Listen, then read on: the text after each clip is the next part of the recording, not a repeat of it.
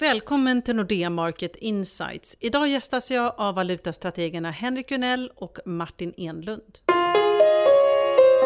Hej Martin och Henrik! Tjena Mors! Hej, hej! Brexit har varit i fokus de senaste dagarna och det blir ju en folkomröstning i UK om fortsatt EU-medlemskap den 23 juni. Vad innebär det här och har egentligen marknaden reagerat? Ja, jag kan väl inleda med att säga att eh, ingen vet med säkerhet vad en Brexit skulle innebära och det blir lätt någon form av övning i att bygga eller rasera luftslott i någon mån. Jag både tycker och tror att det vore en katastrof med ett brittiskt utträde. Och om vi börjar då med det viktiga, eh, det vill säga säkerhetsfrågor och vad som kan stå emot Putin och ett eventuellt Ryssland med expansionistiska planer så är det ja, sammanhållning och ett Europa som säkerhetspolitiskt står enat, det är att föredra. Om UK lämnar EU så försvagar man EU, kanske till och med hotar hela dess existens. Och det skulle spela en sån som Putin rakt i händerna. Och eh, om man godtar mitt eh, säkerhetspolitiska antagande så blir alla andra kalkyler överflödiga. Om man sparar några korvören här eller där på ett utträde. Det är inte Jag kan ju ge mig in i diskussionen direkt känner jag. För jag tycker ju att EU har ju inte direkt visat framfötterna vad gäller enighet på något plan de sista tio åren ändå. Så hur viktigt är den här säkerhetspolitiska konsekvensen egentligen? NATO verkar ju viktigare, men till och med NATO verkar ju ha svårt att visa enighet. Jag håller förstås med Henrik att, att det här skulle ju vara en en vinst för eh, vissa makter österöver om, om britterna skulle lämna. Och det är lätt att tänka sig att om britterna lämnar då är det andra människor, andra länder som funderar på att vi kanske ska lämna också. Häromdagen så började det pratas lite om, en, inte bara om en Brexit, utan man har ju då en, den direkta farhågan, blir det en Brexit så blir det en Skottxit, att skottarna ska gå ur Storbritannien. Eh, och om det blir en Brexit så kanske det också kan bli en Chexit, och det är att tjeckerna kanske ska gå ur. Eh, och det finns ju många andra som riskerar att vilja hänga på. Eh, för några år sedan pratade man ibland i, i temat Storbritannien. Då nämnde man att Sverige hade vissa allierade. De viktiga allierade Sverige hade, det var Storbritannien, Danmark och Polen i vissa frågor. Och om då Storbritannien försvinner som det största och viktigaste landet av de här allierade, ja då kanske Sverige och Danmark och Polen och Tjeckien också ska gå ur. Då är det inte så mycket av det här eh, elitens EU-bygge kvar att skydda. Nej. På något sätt. Eh, sen kan man väl spinna vidare lite på och fundera på finansiella marknader också, vilket var vad frågan handlade om, eh, i alla fall delvis. Eh, och där är väl marknaden, ah, man vet, jag har ingen aning om vad det här innebär. Och givet att man inte har någon susning om vad det innebär, då är det ju något dåligt. Och då blir man nervös och då vill man inte ha Storbritanniens, då vill man inte ha tillgången i Storbritannien. Man kanske inte heller vill ha pundet. Men om sanningen ska fram så har man ingen aning om vad det här skulle innebära. Farhågor finns det gott om, till exempel att eh, Storbritanniens position som finanscentrum kommer kanske kunna hotas. Och här får man väl fundera lite på det, men européerna och EU-byggarna eh, de tenderar att ha synpunkter till exempel hur, hur och var eh, man ska handla tillgångar i euro. Och euro är ju ändå världens näst viktigaste valuta och eh, har lite ambitioner att bli en riktig reservvaluta som US dollar. Eh, och om då Storbritannien inte är med i EU längre, då kan man fundera på, kan man verkligen settla transaktioner i euro utanför Euroland. Det har förekommit sådana diskussioner de sista åren. Om man inte kan det, då är ju Storbritanniens och Londons eh, roll som finanscenter hotat. Men ingen har någon aning och eh, skulle det bli en Brexit så ska man räkna med att osäkerheten kommer vara hög en längre tid och allting handlar ju om vad Storbritannien och EU kommer överens om i framtiden om det blir en Brexit. Men om man får göra en kvalificerad gissning, vilket jag får, så tror jag pundet kommer eh, få sin turn, en rejäl turn. Brittiska ekonomi likaså den eh, brittiska fastighetsmarknaden, kapitalflöden etc. Jag tror att det blir eh, tyvärr mycket pisk för, för UK i ett sådant scenario. Och, och jag, jag, hoppas verkligen att de röstar ja den 23. Annars kan det bli en ganska otrevlig midsommarafton för oh, Låt mig tillägga då att om vi leker med tanken att det blir en Brexit så finns det återigen funderingar man har haft i marknaden och bland ekonomkåren? Att, att det är en viss Ryktesvägen nådde oss här för ett par år sedan att centralbankschef Draghi, han sa en gång när det började komma på tal för ett par år sedan att en Brexit, det är nog ett större problem för EU än det är för UK. För då skapar man ett prejudikat där länder bryter sig ut ur unioner och hur kul låter det från ett EMU-perspektiv? Så man ska inte vara helt säker på att det bara är Storbritanniens pund man ska sälja eh, och att pundet kommer gå dåligt. Det är mycket, mycket möjligt att det här via olika följdeffekter som man i dagsläget inte räknar med leder till förnyade riskpremier i EMU och då har vi en statsskuldskris alla 2012 igen, 2011, 2010 eh, och då kan ju svenska kronan gå som ett skott till exempel för att man börjar befara att EMU ska brytas upp. Um, så vad är det vi säger egentligen? Ingen vet vad som, vad som kan bli följdeffekterna. Men marknadsimplikationerna har ändå varit att pundet har tappat 12% sedan november. Nu är det inte, handlar det inte bara om Brexit utan det handlar om andra saker också. Och då går vi över västerut, för där är ju också en hel del som ingen vet någonting om, det vill säga hur eh, presidentvalet kommer att gå. Men det är ju en het nomineringsperiod och det har inte helt följt gängs eh, regler där. Donald Trump bland annat gör ju ett segertåg. Men hur reagerar marknaden? Än så länge inte alls, Nej, får man väl säga. Det finns väl någon slags Eh, liten skuggprognos här från Henrik och mig är väl att om det skulle vara så att Donald Trump blir Republikanernas presidentkandidat eh, Det är väl lite vindarna blåser just nu i alla fall eh, Då är det väl lätt hänt att marknaden i alla fall kommer åt även där fundera lite på osäkerheten. Vad är det för något han representerar egentligen? den mannen om man får uttrycka sig så. De här andra politikerna de är ju en del av etablissemanget så då kan man lätt räkna ut vad de vad de syftar till eller vad de planerar. Eh, Medan Donald Trump, han står ju på sin egen plattform och han kan ju byta fot och hitta på lite vad som. Så det riskerar ju skapa en hel del osäkerhet om han skulle bli presidentkandidat. Och speciellt förstås om han skulle se ut att vinna presidentvalet. Precis. Än så länge hanterar marknaden Trump som en på låtsas filur. Som, som representerar den typen av politiker som levererar svartvita lösningar, alltså en typisk Tea Party-människa. Men skulle han bli Republikanernas kandidat så hettade det till för ett ögonblick innan förhoppningsvis Hillary Clinton mal ner honom. Eh, men men marknaden bryr sig inte i dagsläget. Eh, men, men precis som med Brexit, tiden går och vi kommer närmare presidentval och skulle Trump då bli eh, Republikanernas kandidat så, så blir det på något sätt lite, lite läskigt. Och tittar man på den grogrunden där en sådan politiker som Donald Trump växer fram så kan man ändå säga att, att en stor grupp av de amerikanska väljarna upplever att de inte har fått ta del av den tillväxt som USA har haft de senaste 20 åren. Och, och vinstutveckling hos amerikanska företag har företrädesvis landat hos kapitalägarna och eh, löneutvecklingen hos medianlöntagaren har varit knapp de senaste 20 åren. Och det är en, en bra grogrund för missnöje eh, således. Och, Sen, ja, sen kan man ju lägga till... utrymmet för en sån politiker. Jag tror inte att eh, Henrik här, att han är sådär värst förtjust i, i fru Clinton. Men ja, det är lite pest eller, pest eller kolera situation här. Um, jag tycker väl Sara Skyttedal sa tydligen någonting intressant häromdagen, KDUs eh, ledare. Att folk gillar Trump för att han låter som en sura granne och inte en sån där ljugande politiker. Och det sammanfattar väl lite läget i USA men också läget i många andra länder i, i västvärlden. Att man eh, på sina håll upplever att eliten på sina håll har tappat eh, radiokontakt med markkontrollen som då är mannen på gatan eller Nisse i Hökarängen säger man väl i, i Sverige. Så eh, Donald Trump representerar väl ehm, en större tendens i väst just nu. Jag tror inte det bara har att göra med att arbetslösheten i USA är hög eller att sysselsättningsnivån inte är på en önskvärd nivå utan det är någon slags allmänt Eh, tillitstapp som pågår. Och det här pågår ju över EU också. Jag tror att Brexit är ett symptom på det här. Ehm, det är ett symptom på någonting större som politikerna borde jobba lite med. Om vi stannar kvar i USA och pratar lite olja, för, för konsumenterna så är ju det i alla fall en källa till glädje. Men det finns ju en hel del olja där ute som behöver lite avsättning. Eh, har priset bottnat kan man fråga sig? För det var på väg upp den här veckan.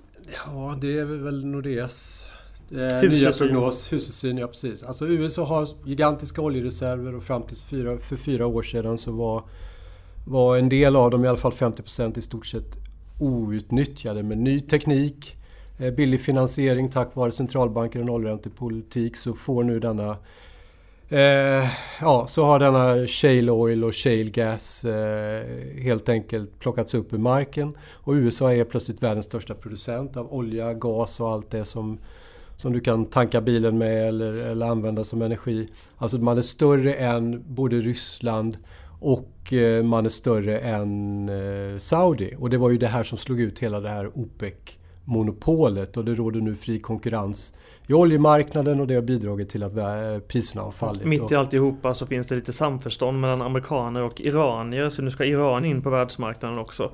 Och det jag tycker man kan fundera på det, det som har föranlett studsen sista veckan. Eh, det är ju lite hopp från marknadens sida att eh, hopp om samförstånd inom OPEC, att man ska komma överens till exempel att inte öka utbudet. Och det är väl Saudis och Ryssland, Ryssland är inte en OPEC-medlem, men Saudis och Ryssland har kommit överens om det här, att inte öka utbudet. Eh, men en, en signal från Irans oljeminister häromdagen var till Saudis att ni kan glömma att vi inte kommer göra det. Så, så det är fortfarande lite spelteoretiskt problematiskt den som inte, eller den som går med på att skära ned utbudet eller stabilisera utbudet, den kommer ju så som, så som Iran uttalade sig offra marknadsandelar till Iran.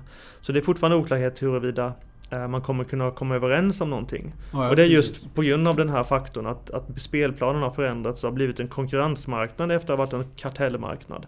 Och jag, jag håller precis med. Alltså, och det här faktumet att marknaden på något sätt prissätter att Ryssland och OPEC då ska göra upp om priset. Det känns som en ålderdomlig tanke när USA är den största producenten. USA skulle behöva vara med i en sådan diskussion givet att man skulle få kontroll över, över prisbilden. Och både ryssar och Saudi behöver sälja olja till varje pris för de behöver kassaflödet. De behöver inte få mindre marknadsandelar än vad de har i dagsläget.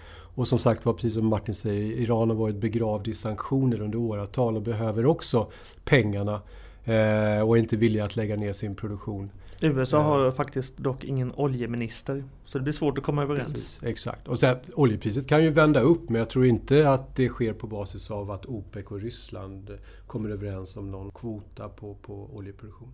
Vi vänder tillbaka till Europa för det är ett G20-möte på gång och den stora frågan är ju om Kina kan lösa den här minusknuten med minusräntor och glädja centralbankscheferna världen över. Ah, Okej, okay. uh, det känns som att det på min eh, planhalva bollen sparkades. Uh, tittar man på den Europeiska centralbanken så, så kverulerade den en del i januari om att transmissionsmekanismen var kaputt. Vad betyder det här, frågar man ju förstås då. Det betyder att, att euron har stärkts ganska mycket. Trots att ECB sysslar med penningtryckande och minusräntor och utlovar fler sådana saker. Och att euron har stärkts, det beror inte på att euron har stärkts egentligen, utan det beror ju på att emerging market-valutor har tappat så kraftigt. Och här oroar sig marknaden något oerhört för att Kina ska välja att ta den enkla vägen ut och skriva ner värdet på sin valuta, eller låta sin valuta tappa kraftigt.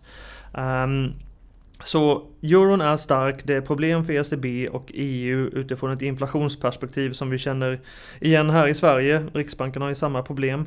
Eh, och att det skulle kanske kunna gå att lösa den här knuten om man på något sätt stöttade tillväxten i emerging markets och stöttade emerging markets-valutor istället för att underminera sina egna valutor.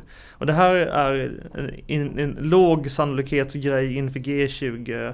Det finns ju inte direkt några, några tecken på samförstånd någonstans. Alltså, vi tycker väl inte riktigt att den här eh, Saudi, Saudi-Ryssland signalerna är eh, att ta på så stort allvar. Eh, men skulle det finnas, det borde finnas grogrund egentligen om man lägger politiken åt sidan att komma överens att stötta tillväxten i emerging markets, stötta kinesernas valuta så att de kan lansera ett stort stimulansprogram utan att deras valuta tappar. Så det är en sak som skulle vara väldigt intressant att se eh, komma från ett G20-möte. På samma sätt så kan man ta med sig att Riksbanken nu funderar på att ta till med ännu mer oortodoxa sätt att sänka räntan utan att sänka räntan.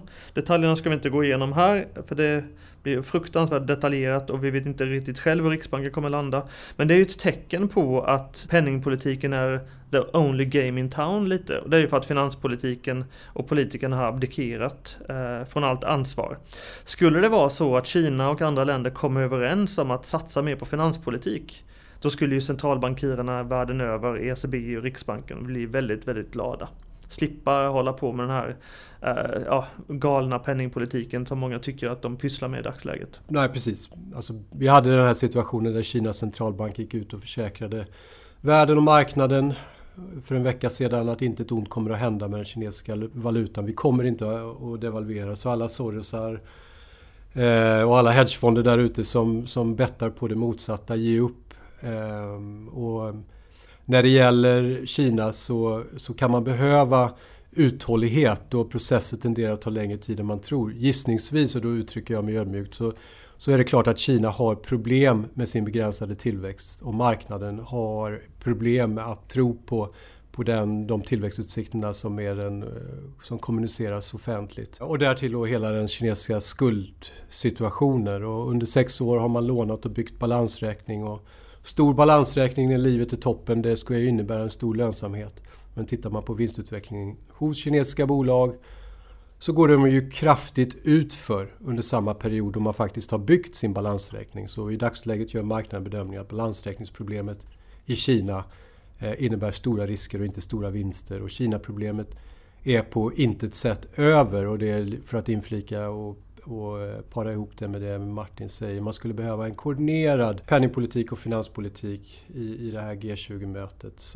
Och, och, inte just det här snäva egenintresset, beggar thy neighbor-politiken som man har praktiserat sedan finanskrisens början. För det tar oss ingen vart utan det leder, leder oss bara djupare ner i, i geggamojan.